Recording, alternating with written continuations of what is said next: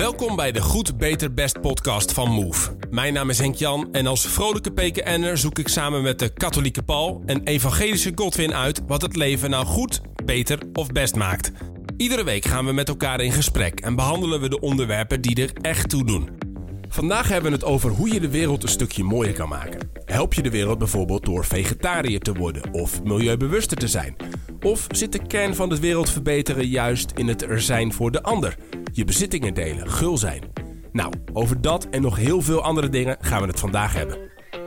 Goed, mannen, zitten we weer. Yes. En volgens mij ook wel met twee mensen die eh, st- stiekem wel de wereld een beetje mooier proberen te maken, of niet? Dat hoop ik. Ja, hoop ik ook. eh, Hoe, hoe doe je dat? Waar ben je, waar ben je mee bezig? ehm, wat ik heb, ik heb een, ehm, een gezinshuis. Dus eh, mijn vrouw en ik die voeden kinderen op die om verschillende redenen niet thuis kunnen wonen. En dat is toch wel iets wat ik belangrijk vind. Om, ehm, ja, om aan mijn naasten te denken. Ik heb altijd gedacht, wat als ik hier op aarde weg zou gaan, zal ik wel gemist worden. Dat vind ik wel echt heel belangrijk, ja. Hey, en ik ben straks wel benieuwd van, nou, vanuit welke bron of waarom je dat dan doet, hè? Ja, Ehm, maar eerst, waarom, waarom kies je ervoor om op dit vlak actief te zijn? Want je kunt ook, ik, eh, weet ik veel, met duurzaamheid bezig zijn of met ouderen. Of, maar jij kiest Ja. echt voor kinderen. Klopt. Ik, ehm, als ik even moet kijken naar, dan simpelweg als ik denk naar, aan duurzaamheid of aan voedsel. Ehm, jij bent vegetariër. Klopt. Ehm, ik, ik zou me niet voor kunnen stellen dat ik op die manier de wereld beter zou kunnen maken. Omdat ik gewoon geen groente en fruit door mijn keel krijg. dus gewoon echt gewoon niet. Dus ik zou kunnen proberen Superman te spelen op dat vlak. Maar ik zou gewoon doodgaan. Dat is mijn kryptonite. Want die eet gewoon niet meer. dat zou gewoon niet werken. Ja. Dus ik, ik, ik, zit, ik wil het bijna bijbels onderbouwen waarom ik geen eh, groente en fruit eet. Maar, maar het is Ja. de reden waarom is, ik denk, iedereen heeft zijn kracht natuurlijk. Hè? En Mm. ehm, ik denk dat, dat jij daarin de wereld een stuk beter maakt. En veel meer kan dan dat ik dat kan. Maar jij ik- kiest voor kids dus. Ja, omdat ik merk dat daar mijn kracht zit. Zoals, ja, ik, ik zal het ook niet volhouden om of groente te eten of En- de hele dag te fietsen. Nou, ik vind het een beetje, als ik eerlijk ben, zeg maar, het is, het is ook een beetje excuus, hè, Godwin, zeg maar, dat je geen vlees, dat, jij gaat echt wel overleven, daar geloof ik geen, geen zak van, als je, als je geen vlees meer eet.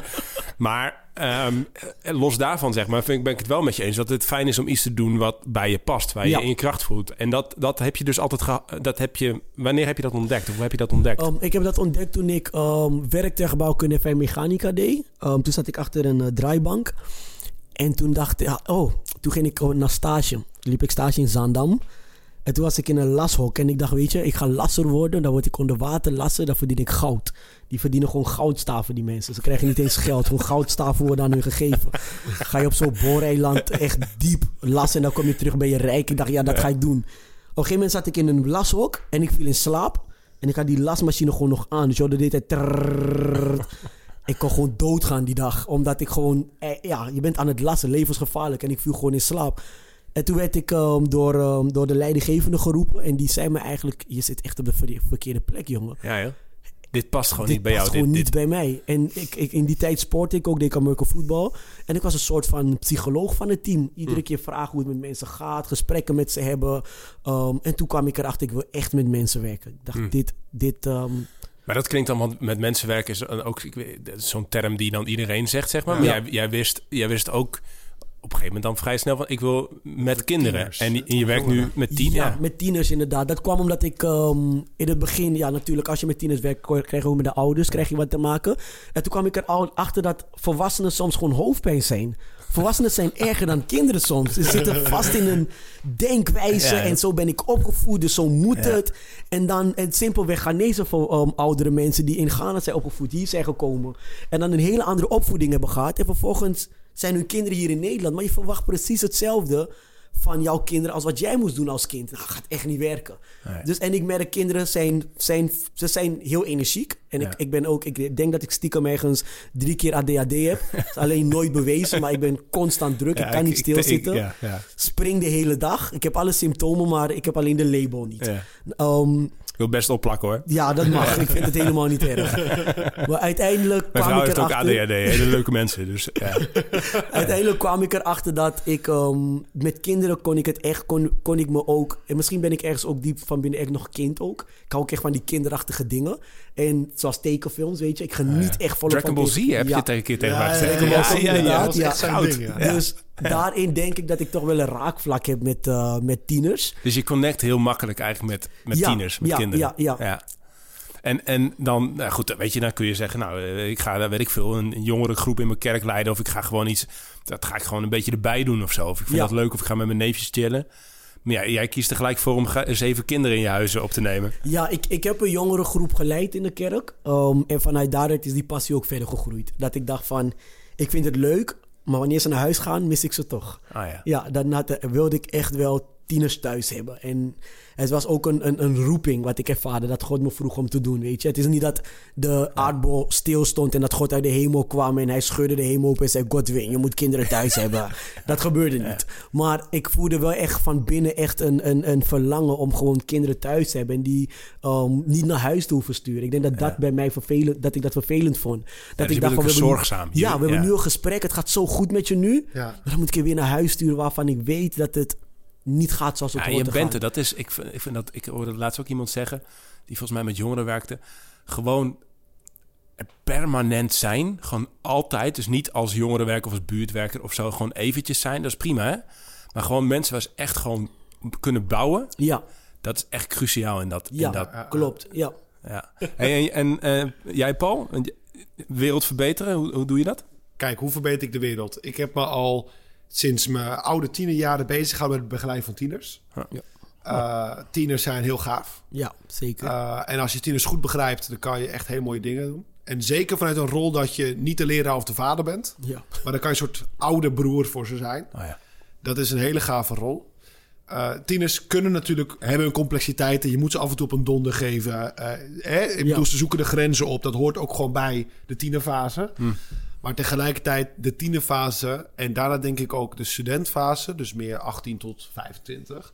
Dat is de fase ook waarin heel veel idealen in het leven gevormd worden en principes.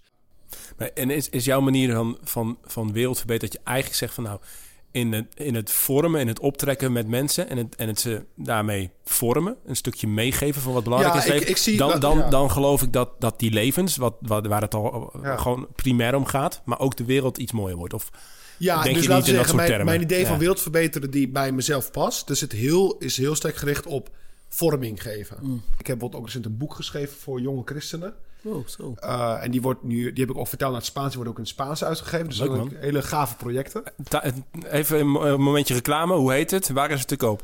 Paul Graas, dubbele punt, voor de christen die mens wil worden. En dat is uiteindelijk ook een resultaat van lezingen, workshops, begeleiding die ik al 12, 13 Wat jaar is, heb wat is, dat is het kernpunt in je boek?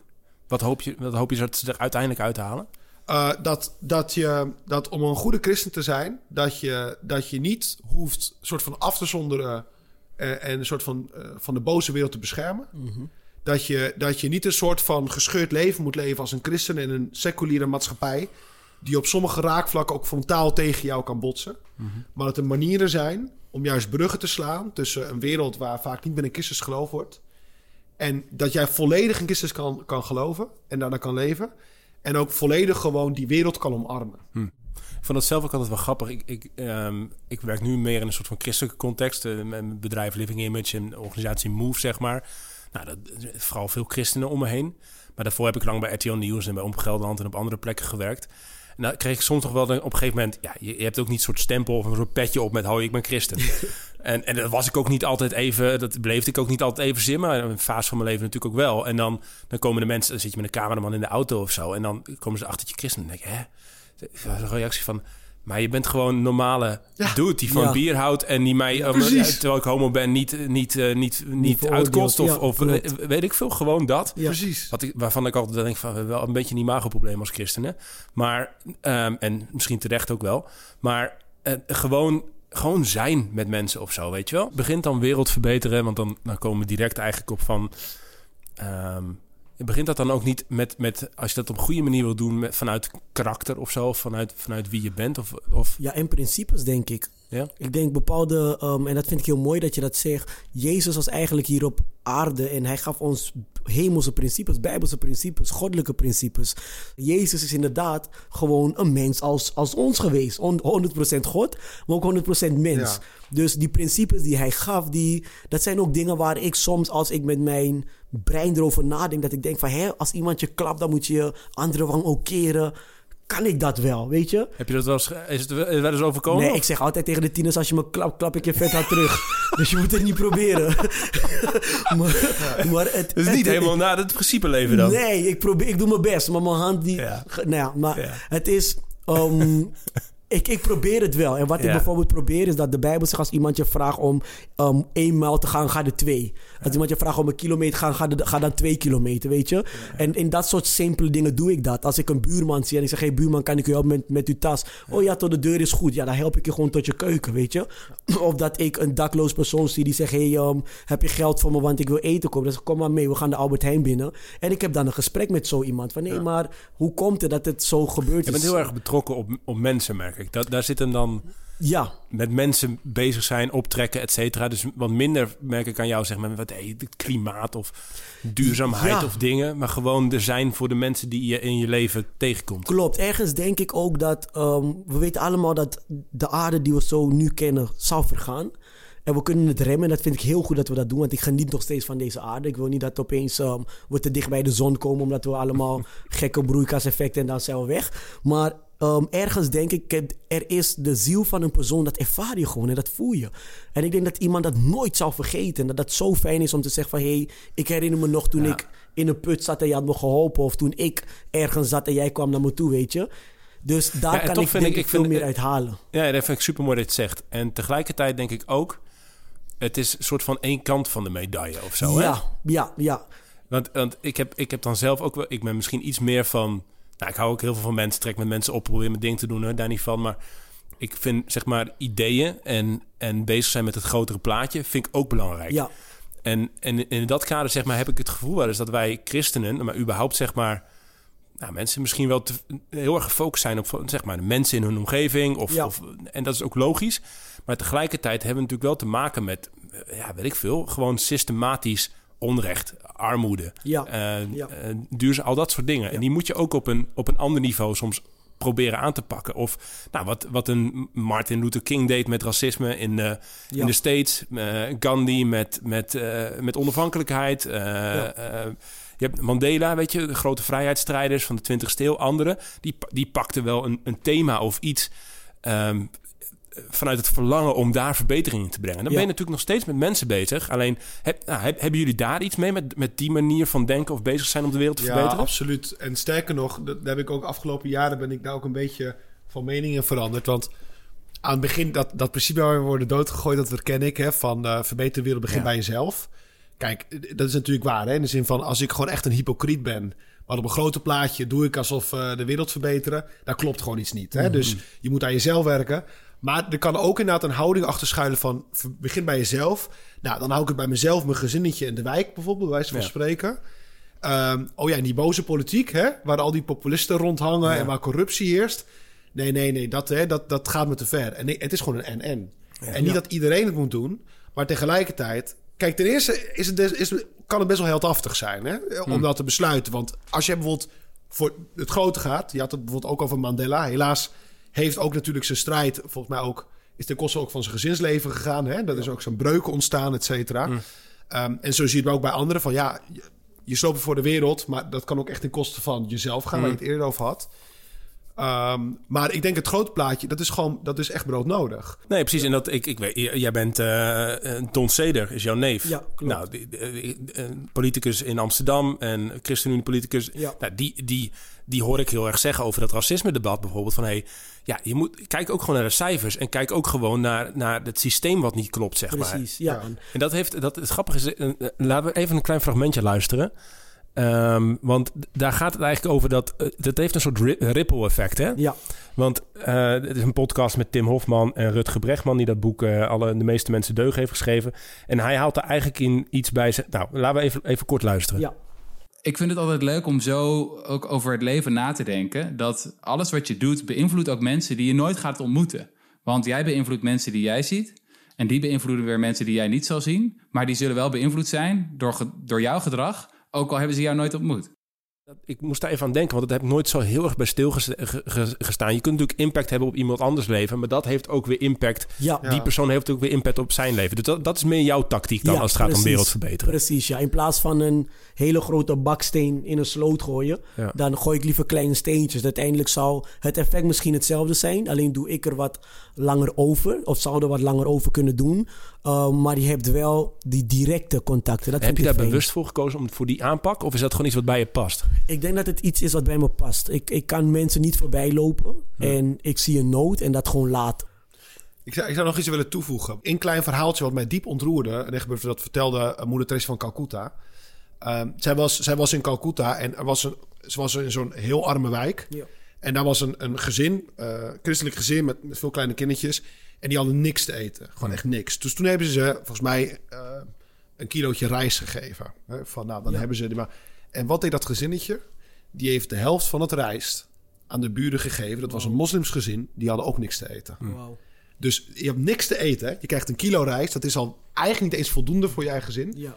Maar ze besloot... En, en moeder dan zag dat. En toen heeft ze ook nog... Zei ze van... Ik heb overwogen om ze nog een kilo rijst te geven. Maar eigenlijk wilde ik, had ik, vond ik het mooier om ze...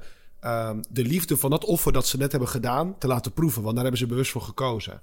En wat ik hiermee wil zeggen is... dat is natuurlijk een prachtige daad van naaste liefde... die ook menselijk gezien heel mooi is. Ja. Maar ik denk dat de kracht van het christelijk geloof... is ik ben ervan overtuigd... dat die daad van naaste liefde van dat gezin... naar die andere... dat dat niet alleen effect heeft op dat gezin... en op een menselijke manier... maar die spirituele kracht heeft invloed op de wereld. Ja. Nee, dat, dat heeft het. Waar ik soms wel naar op zoek ben, hè, ik denk dat meer mensen dat misschien hebben van... Hey, nou, dan komen we eigenlijk op vraag 2 ook van uit welke bron put je? Waar, waarom zeg maar ga je... en Nou, niet eens waarom, maar ja, wat is de basis zeg maar van de, de verandering waar, je- waar je naartoe streeft? Waar, Waarom is dat belangrijk voor je? Waar komt dat vandaan? In, in mijn geval is dat inderdaad in, in nou, eh, God, denk ik ook. Maar ik zie het ook bij anderen die een andere godsbeleving hebben... of een andere ideologie. Ja. En dan gebeurt er wat. Ik ben zelf, ik moest in het klein denken aan... Ehm, ik ben zelf voorzitter van de Toevlucht. En de Toevlucht is hier in Utrecht een opvang voor ongedocumenteerde migranten. Dus wij eh, we vangen eh, veel jonge mannen op Ja. ehm, eh, die anders op straat zouden leven. Dat is echt vijf, zes jaar geleden, nou, zes, zeven jaar geleden vanuit vooral de kerken begonnen van hey, geen mensen op straat. Er sliep je gewoon mensen op straat hier in Utrecht. Dat is gewoon ons basisprincipe. Geen mens hoort op straat slapen. Ja. Zo simpel is het.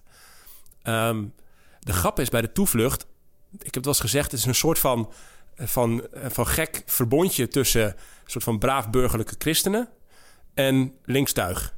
Dus, en daar zit bij beide dus zit een soort van, in, eh, zeg maar bij dat, ik, nou, het is geen linkstuig natuurlijk, maar gewoon even voor de grap. Dat zijn mensen die, die vanuit humanistische overwegingen of zo'n sterke overtuiging hebben van hey, eh, je moet er zijn voor een andere, dit kan niet. En, en daarom in actie komen. En ik zag het bij. En, en dan heb je zeg maar die, die beetje, beetje brave christelijke burgertjes. Ja. Die, die dat vanuit hun geloof doen. En ik vind dat heel grappig. Twee wereldjes die bij elkaar komen, zeg maar, bij ons bij de toevlucht. Maar ik denk, ik kan er wel een, een soort van, vanuit mijn overtuiging, een, een verklaring voor vinden. Want volgens mij is het niet alleen een soort vaste overtuiging. Het is ook een diepst verlangen. Ja. En dat is dat niemand wil leegte in zijn hart en ziel ervaren. Iedereen zoekt naar zin in zijn leven. En ik denk dat die overtuiging zonder nu... Maar dan gaat het niet om te zeggen... ja, dat is christen of dat is... Daar gaat het me even niet om. Maar wat ik wel denk is... de, de overtuiging wordt ook gevoed door het handelen... Ja. naar eigen geweten. Ja, ja. En daar zie je dat... Dus je die- moet luisteren naar je geweten eigenlijk. ik denk dat dat super belangrijk En je moet er ook niet al te. Alleen, ik denk dat er een bepaalde crisis is tegenwoordig. Dat is, we worden zo, we worden zo, we worden zo volgegooid met het idee. Dat, dat iedere, dat, laat zeggen, dat iedereen heeft zijn eigen waarheid. Je moet het allemaal zelf uitzoeken, Ja. alles naar eigen smaak. Dat mensen vaak ook toetsstenen missen. Van, joh, maar hoe weet ik nou dat wat ik doe goed is? Ja. Ik heb geen kader. Hoe weet jij dat? Heb jij een kader, Godwin? Ja, ik, mijn, mijn kaders zijn toch wel weer, maar dat is ook echt uit het geloof, de Bijbelse principes en wat ik uit de Bijbel leer. Um, en wat ik Jezus heb, ja, wat ik zie in de Bijbel, wat hij doet en wat, wat um, de mensen van God hebben gedaan. Um, maar ook gewoon, ik bid veel. En ik vraag God ook oprecht van, hey, is dit wat u wilt? Um, een simpel voorbeeld. Ik, um, ik word echt wekelijks gebeld door mensen die gewoon zeggen... hey Godwin, ik heb het niet zo breed. Kan ik wat geld van je krijgen? Um, en in het begin toetste ik dat bij mezelf helemaal niet. Ik maakte gewoon altijd over. Ik, ik deed het gewoon. Ik ging gewoon geld geven. En op Wat ik al vrij bijzonder vind eigenlijk. Maar... Ja, het, het, het, het, ik deed het eigenlijk uit het principe, ik weet wat armoede is. Ik heb het gekend. En ik ken de stress die erbij komt als je huur niet kan betalen. En je, je, je wordt gebeld en je weet dat de deurwaarder kan komen. Weet je, die, on- het is echt heel ongezond. En iemand die in dit soort financiële noden zit, die, die leeft ook niet gelukkig. Je moet nadenken, kan ik vandaag wel met de auto gaan? Um, want ik weet niet of ik mijn benzine nog kan betalen. Want um, je, je, je schaamt je bijna om naar het werk te gaan. Want je weet dat je geen brood mee kan nemen, want je hebt niet. Weet Ja. je, dus dat soort gedachten. Dan uit die mentaliteit gaf ik eerst van... hey, weet je, iemand belt me, ik heb 800 euro nodig en ik maak over. Ik heb 400 euro nodig, ik maak over. Er is echt een tijd geweest dat ik bijna 1800 euro per maand weggaf. Gewoon aan verschillende mensen. En toen leerde ik een les, hè. Ik kwam erachter dat ik mensen helemaal niet help door geld te geven. Ik help mensen niet door ze ehm, de financiële middelen te geven, want volgende maand zitten ze weer erin. Ja. En de maand daarna zitten ze weer erin. Dus op een gegeven moment ben ik voor mezelf gaan nadenken. En ik heb oprecht aan God gevraagd: God, maar ehm, Jezus gaf ook brood en eten aan 5000 man. Die daar was en die ook honger had. En toen leerde ik van: Weet je, soms kan je mensen geven. En daar leren ze, dan, dan red je ze op dat moment. Maar soms is het ook heel goed om mensen. Maar wanneer, want ik, eh, eh, ik snap je punt hoor. Van hey, d- d- dat moet daar niet, niet stoppen, zeg maar. Of dit Ja. is niet alleen genoeg. Alleen de grap is voor. Ik, ik heb eh, een keer. eh, ik werk eh, af en toe wel eens voor ZOA. Die, eh, die eh, NGO en goed, goed Ja. doel, zeg maar. Er zijn er meer. Maar die hebben echt het principe van hey, noodhulp en wederopbouw, zeg maar. Dus Ja. dat stukje. Je hebt ook zeg maar dat stukje noodhulp nodig. Als iemand gewoon geen brood heeft. Ja, Gewoon niet genoeg benzine om naar zijn werk te komen. Dan heeft hij ook gewoon geld nodig. Toch? Precies, en dat is waar ik altijd stopte. De wederopbouw deed ik nooit. Hé, hoe komt het dat je hierin zit? Krijg je al hulp? Kan Ja. ik misschien samen met jou de instanties bellen om te kijken of je um, um, um, betalingsregelingen kan treffen? Nee, dus die noodhulp die, die echt, maar er moet die tweede stap bij. Zijn er manieren waarop jij dat in je leven doet? Of überhaupt, zeg maar, eigenlijk komen we op de vraag van... Hey, hoe help je op een goede manier, hè? Ja, Nou, kijk, uiteindelijk is het inderdaad ook een beetje van... eh, eh, van ehm, je moet ook bewuste keuzes maken, want er zit ook een orde in. In de zin van... Kijk, stel je voor dat Godwin dat tot het punt doet... dat hij geen aandacht meer aan zijn kinderen of aan zijn vrouw kan. Ik bedoel, Ja. Je, je Ja. wordt ook... Het liefst zou je natuurlijk al je tijd aan het ene en het andere... Eh, ik ga, eh, ook toen ik hier Utrecht woonde... gingen we regelmatig naar het leger des naar de dagopvang voor da- daklozen... om gewoon een, een ochtend en middag met ze door te brengen. En Ja. eh, in het huis waar ik nu woonde... zat bij de zusters van de naaste liefde. Die zitten... Die zit ook in Amsterdam om, om eten te geven aan de et cetera. Dus dat zijn gewoon concrete daden van naastenliefde. Ik denk dat het gewoon goed is om daarbij te helpen. En dat het ook Ja. goed voor mezelf is. Eh, wel geinig om te merken dat we heel snel zeg maar, in die menselijke relatie komen. Dat zegt volgens mij ook wel iets over Ja. van... Hey, hoe, hoe, waar ben je mee bezig in je leven? Zeg maar, hoe, hoe zorg je ervoor? Hebben jullie bepaalde principes of bepaalde dingen waarvan je denkt... nou ja, ik geloof, ik, ik help eh, met organisaties mee... of ik geef geld om de wereld te verbeteren... Ja. of ik vlieg niet, of nou, dat... dat Ja, ik weet je wat, wat ik daar zo moeilijk aan vind? Um, ergens heb je soms um, best wel wat grip als je het één op één met mensen doet. ja. En ik geef, ik geef heel veel geld ook aan eh, goede doelen. Um, die dan bijvoorbeeld, um, ik ben zelf ben ik ook een, een ambassadeur voor IGM. En wij zijn dan bezig met het. um, Ja, jullie bevrijden slaven eigenlijk. hè? ja, klopt. Ja. Slavenkinderen of Ja. in India waar ze voor webcams moeten staan. In Ghana jongens op vissersboten.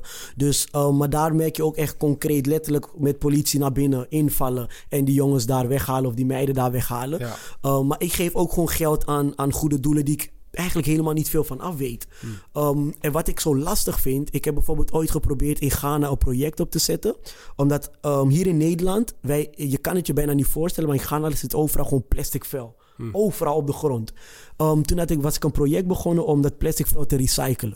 En het lastige is, je pakt het in één keer heel groot aan. Ja, dat is Maar een het groot is- project. Ja, maar het is ook, niet, je bent, het is ook niet meer alleen in jouw handen. Nee. Nee. Dus jij wilt het heel graag, maar wie zegt dat de overheid dat wilt? Ja. Wie zegt dat degene die um, plastic produceert daar en die eigenlijk gewoon heel veel geld verdient, dat wilt? Eigenlijk, eigenlijk verslik je je dan in, in de, ja, de grootte van wat je wil. Klopt, precies. Terwijl als ik zou denken, stel dat ik ervoor had gekozen om, om een kleine stuk of een kleine community of een kleine deel te helpen met jongens, hoe gaan jullie om met, uh, met scheiden van jullie afval? Dat het een veel betere of effectievere impact had gehad en dat het vanuit daar misschien zou verspreiden over het heel land. Ja. Weet ik niet, want dat heb ik op deze manier nooit geprobeerd. Maar ik heb het wel in één keer geprobeerd om zoiets groots aan te pakken. En dan raak ik vaak teleurgesteld in het feit dat je denkt van...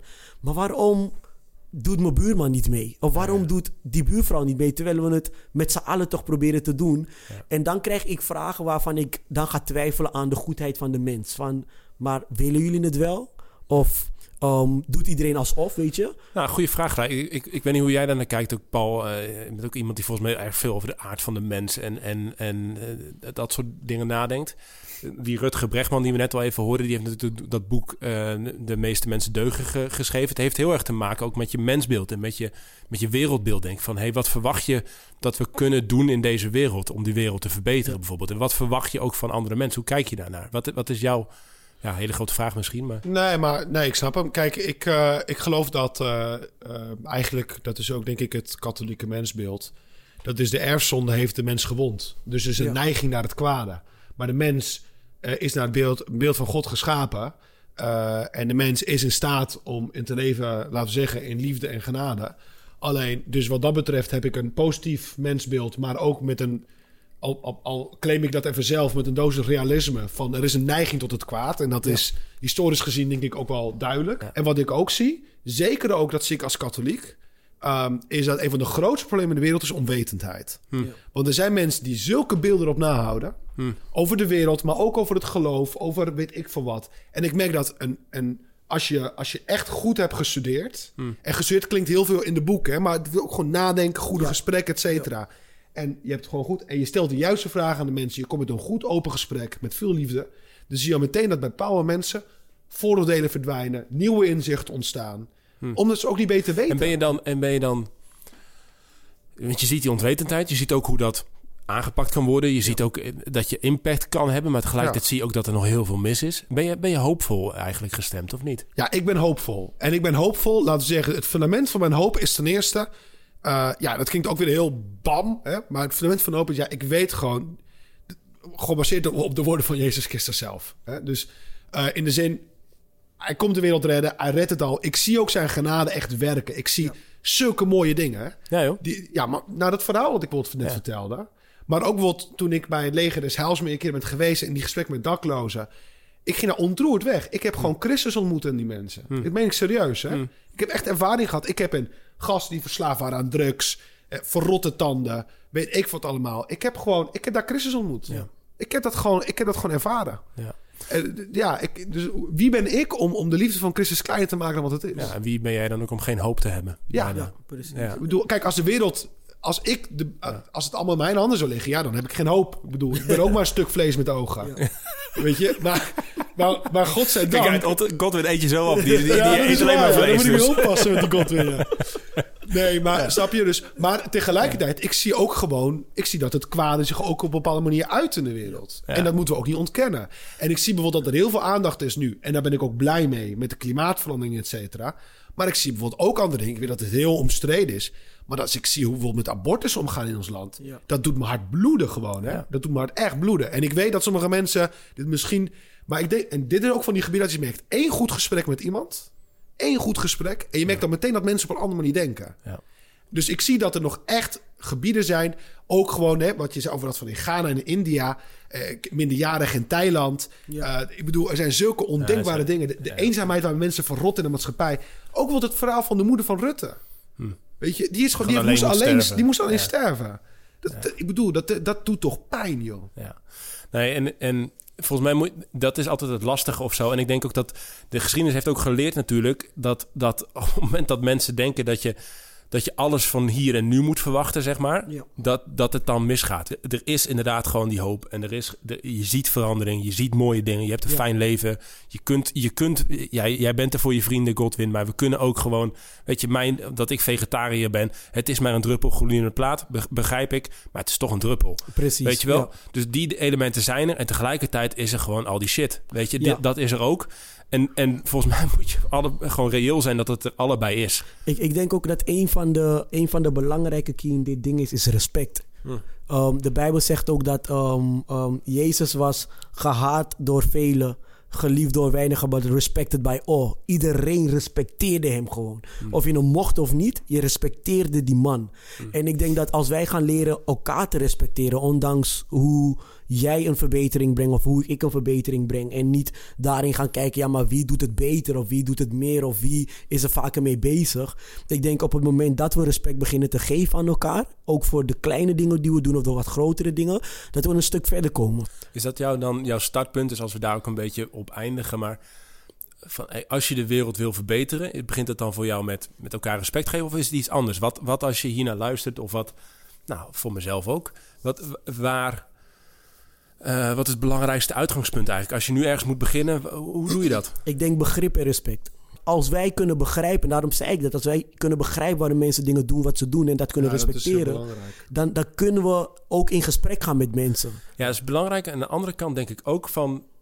ehm, er zijn gewoon dingen die gewoon niet oké zijn, weet je wel? Ja. De, eh, en er zijn mensen, er zijn organisaties, er zijn, weet je, er zijn gewoon dingen waar je misschien ook gewoon tegen moet ageren. Te- weet je, tegen de, de wapenindustrie, de olieindustrie, die man. worden gewoon dingen die gewoon niet goed zijn. Maar ik denk dat wat, wat mijn principe daarin is, is denk ik dat we een heel belangrijk onderscheid moeten maken in wat, niet, wat vaak niet gemaakt wordt. De eerste is, hoe ik het zie, is ik probeer in elke persoon vanuit een vaste overtuiging het gelaat van Christus te ontdekken. Elke persoon is al het bloed van Christus waard. Als, als Hitler voor je zou staan ook. Hitler is al het bloed van Jezus Christus waard. Ja. Is al het bloed. Hij is een mens. Hij heeft gewoon de menselijke waardigheid. Dat kan Adolf Hitler zijn. en Dat kan Jozef Stalin zijn. Of dat kan wie dan ook zijn. Dat is dus, elk mens is een doel op zichzelf. Iets anders is natuurlijk dat hij dat volledig corrompeert. En dat hij zoveel schade brengt. En dat in sommige gevallen zelfs een doodstraf wenselijk kan zijn. Hè, Voor een wat dan ook. Ehm, dat is een ander punt. Ik ben geen voorstander van de doodstraf anoniem. Nee, hè, nee. maar eh, begrijp wat ik bedoel. Maar iets anders is... Als we het hebben over respect... Ja. Ik ben het helemaal met je eens. Maar ik denk dat een respect moet een onderscheid maken. Dus een respect voor een mens en zijn ideeën. Dat vind ik zo mooi aan het christendom. Jezus die kwam om te sterven voor een ieder. En hij heeft geen checklist daarin van oké, ehm, jij hebt dit en dit niet gedaan, dus dat betekent dat jij sneller de hemel binnenkomt. De Bijbel is heel, heel duidelijk daarover, weet je. Dat als je gelooft met je hart en beleid met je mond dat Jezus Heer redt, ben je gered. En vanuit dat punt sta ik ook in mijn geloof. Dat ondanks wie we zijn of wat we gedaan hebben, en dat vind ik ook mooi dat jij zegt, al was dat, dat Hitler elke druppel van Jezus op bloed waard is. Ehm, klinkt heel heftig ook, van kijk hoe slecht hij geweest is. Maar ergens denk ik ook dat het ehm, de wereld verbeteren ook een, deel, een, een, een heel erg vertrouwen is in, ik leg alles maar in Gods hand. Laat hem maar oordelen. Weet je, laat hem uiteindelijk de oordeel Je hoeft het niet allemaal te weten. In die zin past ook enige bescheidenheid. Je hoeft Ja. het niet allemaal te doen. Ja. Je hoeft het ook niet allemaal te weten. En we Ruimte voor mogen- mysterie ook. Ja, precies ja. En, en ik denk dat dat, dat ons soms dat ook wel zou sieren. Van hey, ook als je helpt, ik weet het niet, maar zeg het me maar, weet je wel. Ja. Of, of Ja. dat. En dan op zoek gaan en dan, dan, weet je, dan stopt het niet. Dan mag je ook best onderzoek doen, dan mag je best bezig studeren, et cetera. Maar dan, en dan kan er iets ontstaan. Maar wel vanuit een stukje, ja, nou, moet ik soms ook wel leren, denk ik. Ik ben ook niet de meest bescheiden persoon, maar la- laten we dat ons voornemen de, komende tijd. Ja, en een ander punt denk ik, zeker als je christen bent, eh, of niet christen natuurlijk ook. Kijk, als we vanuit gaan, het christendom kan je, heb je natuurlijk gewoon de aanname, God is liefde. Hè? Mhm. Dat wordt Ja. letterlijk, ik denk dat heel veel mensen daar wel, christenen tenminste wel mee eens zijn. God is dat. En dat wil ook zeggen dat op het moment dat ik een handeling van liefde ontdek in andere mensen, ook als ze niet gelovig zijn, dan kan ik daar ook een handeling van Christus, dan kan ik daar ook iets van Gods liefde in ontdekken. Nee, en het mooie is ook, je kunt dan met mensen optrekken. Dus je kan Absoluut. optrekken met, met, met, eh, met een boeddhist, met een ongelovige, et cetera. Als je, als je weet van, hé, hey, uiteindelijk hebben we ook allemaal iets in ons gekregen. Als we daarnaar luisteren, geweten, dan kunnen we met elkaar toch iets van de wereld mooier Ja, dat maken. is prachtig. Zonder dat we Ja. een directe illusie hebben dat het allemaal helemaal op En dat is een mooie openheid om te hebben naar de ander. Weet je, Ja. wat, wat heeft die persoon te bieden? Wa- Ja. Wat kan ik ontdekken van Gods liefde in die persoon? Ja. Zelfs als die a priori een eikel lijkt te zijn. Hè? Ja. Ik bedoel, ook eikels helpen je bijvoorbeeld hè, om het kruis te omarmen. hè, Of om mensen meer lief te hebben. Want als je alleen maar chille mensen lief hebt, ja, dat is ook wel makkelijk. Klopt. Een zeikerige collega lief hebben, ja, dat is, eh, dan, dan ga je iets meer, eh, iets meer van de liefde proeven van Christus. Uh, Wessel van de techniek kijkt net even iets te her, met, met te veel herkenning in zijn blik. maar eh, ik vond het mooi, man, eh, mensen. Ehm, er valt nog veel over te zeggen volgens mij. Maar volgens mij kunnen we in ieder geval zeggen dat voor een goed, een, een, een, goed leven... mogen we streven om de wereld ietsje mooier te maken. En dat begint absoluut. met, eh, met een stukje openheid... maar ook een stukje verdieping wat je in, eh, in jezelf kunt vinden. En, en wat misschien in het begin, wat ik heel mooi vond... Zoek iets, vind iets wat, wat echt bij je past. Ja. Waar je hart voor hebt. Wat jij hebt met je kids, eh Godwin. Met je verdieping, het vormen van mensen. Het optrekken met mensen. Probeer dat zelf in mijn leven ook vorm te geven. Nou, volgens mij... ehm, en ga dan ook gewoon lekker bezig, weet je wel. Dan is Ja. het, en dan mag het groeien. We hebben een heel leven, of in ieder geval zolang ons gegeven is... om daarmee eh, aan de slag te gaan. Tof dat je luisterde naar de Goed, Beter, Best podcast. We hopen uiteraard dat je hebt genoten. En je kunt ons helpen en op de hoogte blijven door ons te volgen op Spotify, Apple Podcast of Google. En het te delen met vrienden, familie en iedereen die dit moet horen. We zijn er volgende week weer en we zien je dan heel graag terug.